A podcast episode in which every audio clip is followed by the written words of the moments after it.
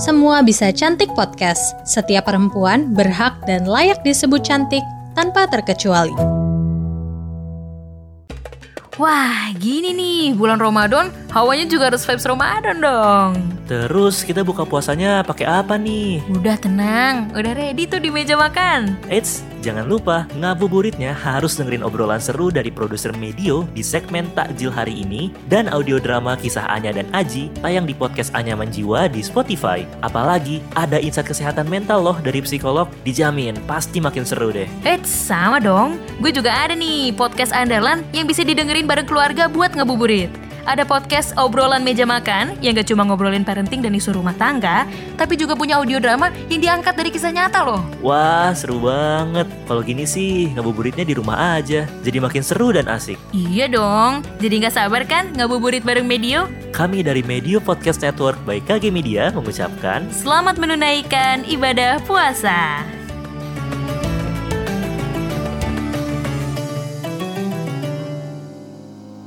Halo, kembali lagi dengan saya, Dian Pratiwi, dokter spesialis kulit dan kelamin. Di episode kali ini, saya akan membahas mengenai penggunaan bahan-bahan organik untuk menyembuhkan masalah jerawat. Saat ini, banyak orang beralih menggunakan skincare alami karena diyakini lebih sehat, lebih ramah di kulit, minim efek samping, dan minim risiko sensitivitas dibandingkan skincare dengan formulasi kimia biasa. Tapi, apa betul demikian? Faktanya, risiko sensitif atau risiko efek samping pada skincare alami atau organik adalah sama dibandingkan skincare biasa.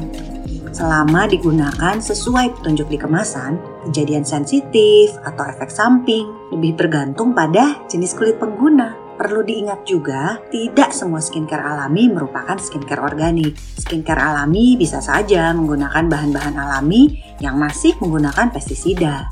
Oleh karenanya, kita tetap harus memperhatikan informasi kandungan produk di kemasan skincare yang dipilih. Kisah pejuang jerawat kali ini datang dari Sinta. Wajahnya mulai berjerawat saat duduk di kelas 7 SMP. Yang dirasakan saat itu adalah wajahnya gatal. Lalu muncul bintik-bintik beruntusan jerawat di wajah. Beragam krim, beragam facial wash sudah dicoba.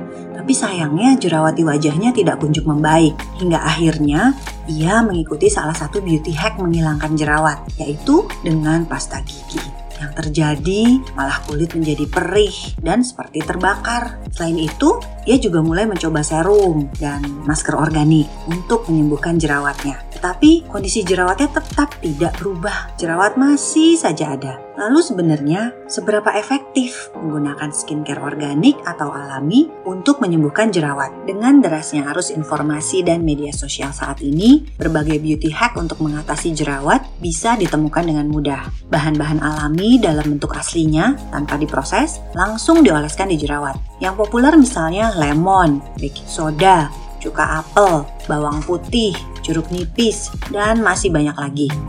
Ini praktek yang salah. Yang masih melakukannya, stop ya. Berbagai bahan alami ini memiliki pH yang ekstrim untuk kulit dan bersifat iritan. Sehingga jerawat bukan sembuh, malah iritasi, makin meradang, atau bahkan terinfeksi. Untuk yang lebih memilih menggunakan skincare alami atau organik dibandingkan skincare dengan formulasi kimia biasa, tentunya tidak masalah. Skincare natural dibuat dari tanaman dan mineral yang ditemukan di alam dan bukan dibuat di lab, tapi belum tentu organik. Pada skincare organik, tanaman yang digunakan tidak berpestisida, tidak berpupuk kimia, dan juga tidak dimodifikasi genetik atau GMO. Penting diingat, hingga saat ini belum ada bukti ilmiah yang kuat bahwa produk skincare berbahan natural atau organik lebih superior dari yang berbahan sintetik. Namun, selama cocok dan tidak ada efek samping, tentunya silahkan digunakan. Tips dari saya, perlu lebih cermat memilih, karena penggunaan istilah alami atau organik di kemasan skincare belum diatur dengan baik. Jadi, baca kandungan produk di label kemasan dan riset dulu sebelum memilih.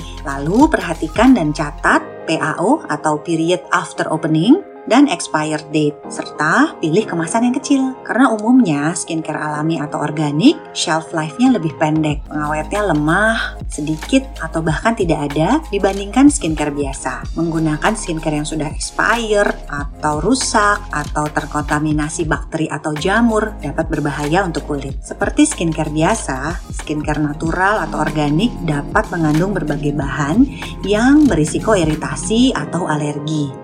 Jadi untuk yang berkulit sensitif, pilih yang bebas pewangi meskipun pewanginya alami. Jadi produk skincare natural atau organik aman untuk digunakan. Namun tentunya kita tetap perlu berhati-hati dalam memilih skincare organik. Pastikan kandungan memang sudah tersertifikasi dan tentunya berizin edar BPOM. Ingat, kulit tiap orang unik. Jangan sampai kita hanya terpengaruh iklan atau teman saat memilih produk. Tentunya ini semua demi kesehatan kulit kita. Terima kasih sudah mendengarkan mendengarkan episode ini, jangan lupa follow dan beri rating untuk podcast Semua Bisa Cantik. Saya Dian Pratiwi, dokter spesialis kulit dan kelamin. Sampai berjumpa di episode selanjutnya. Salam kulit sehat.